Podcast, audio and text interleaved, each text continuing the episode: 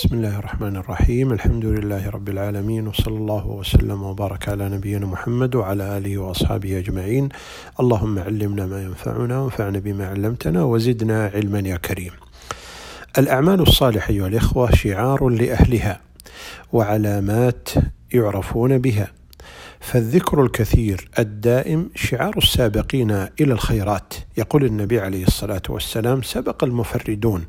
قالوا وما المفردون يا رسول الله؟ قال الذاكرون الله كثيرا والذاكرات كما رواه مسلم. والصلاة الدائمة القائمة شعار أهل الإيمان كما قال الله جل وعلا وما كان الله ليضيع إيمانكم. أي صلاتكم. والصدقة الدائمة الخالصة لله جل وعلا التي يتصدق بها الإنسان وهو صحيح شحيح يأمل الغنى ويخشى الفقر شعار أهل التقوى. كما قال الله جل وعلا وسارعوا إلى مغفرة من ربكم وجنة عرضها السماوات والأرض. أعدت للمتقين الذين ينفقون في السراء والضراء والكاظمين الغيظ والعافين عن الناس والله يحب المحسنين. والصيام الدائم المشروع شعار أهل الصدور السليمة الذين تسلم قلوبهم وألسنتهم آه، وتعاملهم.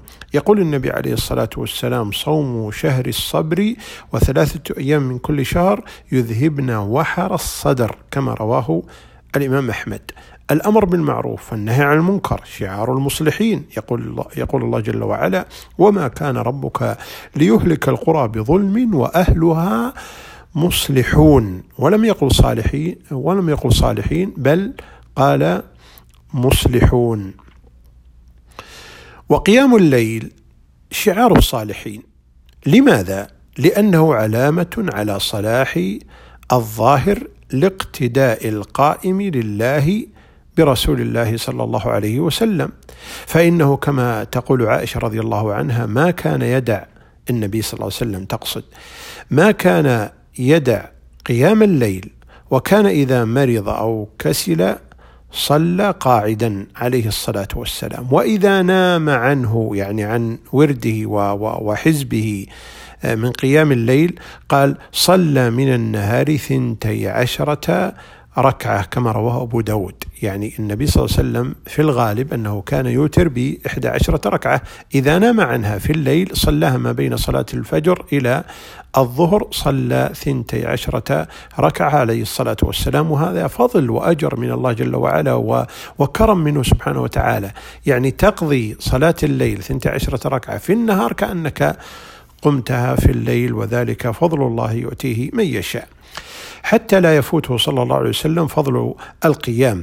وقالت رضي الله عنها إن أقواما يقولون لا نصلي إلا الفرائض وأن الله تعالى لا يسألهم إلا عما افترض عليهم ولكنكم تخطئون بالليل والنهار وما أنتم إلا من نبيكم وما نبيكم إلا منكم. فبينت رضي الله عنها فائدتين في قيام الليل. الفائدة الأولى كثرة الأخطاء والذنوب ودوامها بالليل والنهار. والإنسان أيها الإخوة ليس بمعصوم كل واحد منا يخطئ. الثانية الاقتداء بالنبي صلى الله عليه وسلم ولأنه علامة على صلاح الباطن. لأن القائم لله جل وعلا سليم من الرياء فهو يقوم ولا يراه أحد إلا الله تبارك وتعالى وسليم من السمعة فهو يقوم ولا يسمعه إلا الله جل وعلا. فتحقق له بذلك الإخلاص لله رب العالمين. يقول النبي عليه الصلاة والسلام لمعاذ بن جبل ألا أدلك على أبواب الخير الصوم جنة والصدقة تطفئ الخطيئة كما يطفئ الماء النار وصلاة الرجل في جوف الليل كما رواه الترمذي. ولنعلم أيها الإخوة أن لقيام الليل فضائل كثيرة منها أنه شرف المؤمن لشرف زمنه وشرف عمله وشرف حاله. وذلك أن الإنسان يصلي ويقوم الليل في الوقت الفاضل العظيم وهو الليل عموما وبالأخص إذا قامه في وقت الثلث الأخير من الليل الوقت الذي ينزل فيه ربنا تبارك وتعالى إلى السماء الدنيا كما ورد في الحديث ويقول هل من سائل فأعطيه هل من مستغفر فأغفر له هل من داع فأستجيب له. يقول النبي عليه الصلاة والسلام شرف المؤمن صلاته بالليل وعزه استغناؤه عما في ايدي الناس كما حسنه الألباني. كذلك من الفضائل القرب من الله جل وعلا. يقول النبي عليه الصلاة والسلام أقرب ما يكون الرب من العبد جوف الليل الآخر. فإن استطعت أن تكون ممن يذكر الله جل وعلا في تلك الساعة فكن كما رواه الترمذي.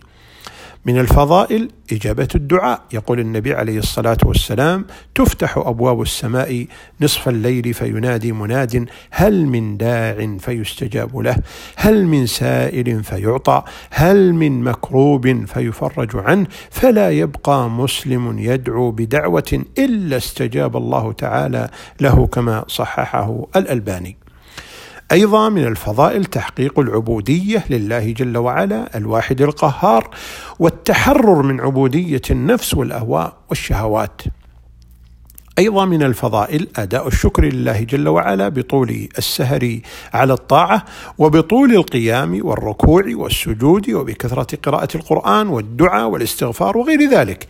يقول من الأعمال الصالحة يقول النبي عليه الصلاة والسلام لعائشة رضي الله عنها لما قالت إنك تطيل القيام. قال النبي عليه الصلاة والسلام أفلا أحب أن أكون عبدا شكورا؟ كما رواه البخاري. أيضا من الفضائل مجاهدة النفس لتكون نفسا مطمئنة وتكون طيبة نشيطة وذلك بقيامها لله تبارك وتعالى في مثل هذه الساعة.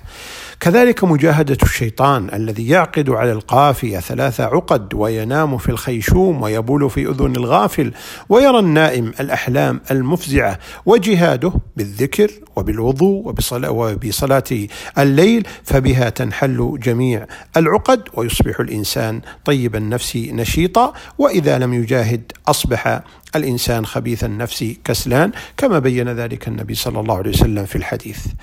أيضا من الفضائل دخول الجنة يقول الله جل وعلا عن أهل الجنة كلوا آه، كانوا قليلا من الليل ما يهجعون وبالأسحار هم يستغفرون أيضا من الفضائل أيها الإخوة النجاة من النار كما قال النبي صلى الله عليه وسلم لابن عمر لما رأى أنه ذهب به إلى النار ثم آه، نجي نعم الرجل عبد الله لو كان يصلي من الليل كما رواه البخاري.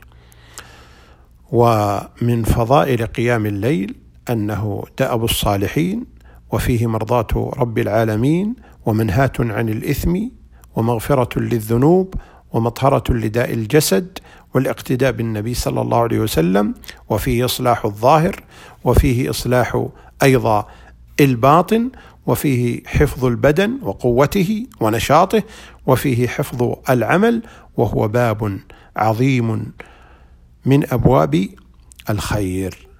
ولذلك الوصية أن نحرص أيها الإخوة دائما وابدا كما هو هدي النبي صلى الله عليه وسلم على قيام الليل حضرا وسفرا ولا أقل من أن يوتر الإنسان ولو بثلاث ركعات فهي أدنى الكمال.